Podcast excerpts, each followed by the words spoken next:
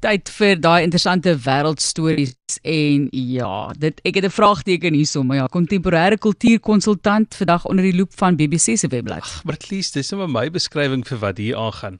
Jy weet 'n mens moet lank speel voor jy betaal word om te speel.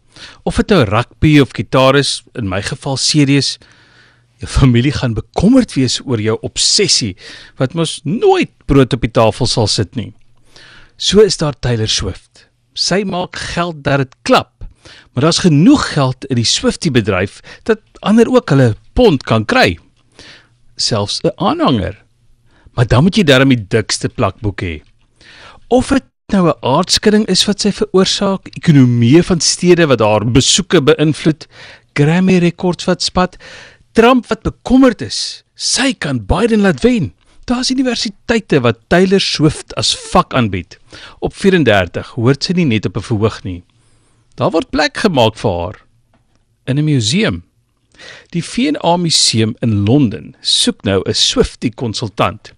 Hulle soek 'n super aanhanger wat insig kan gee in die aanhangerskultuur en die memorabilia wat Swift se aanhangers versamel en skep. Ons stel veral belang in die vriendskapsarmbandjies wat sy by haar vertonings ruil.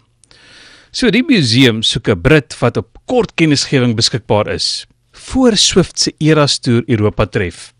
As jy niks van Taylor Swift weet nie, is daar steeds kans vir kontant in die hand as konsultant.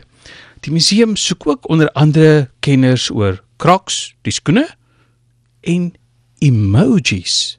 As Pokémon kaarte of Lego jou ding is jammer, speel by die huis. Daardie poste is reeds gevul.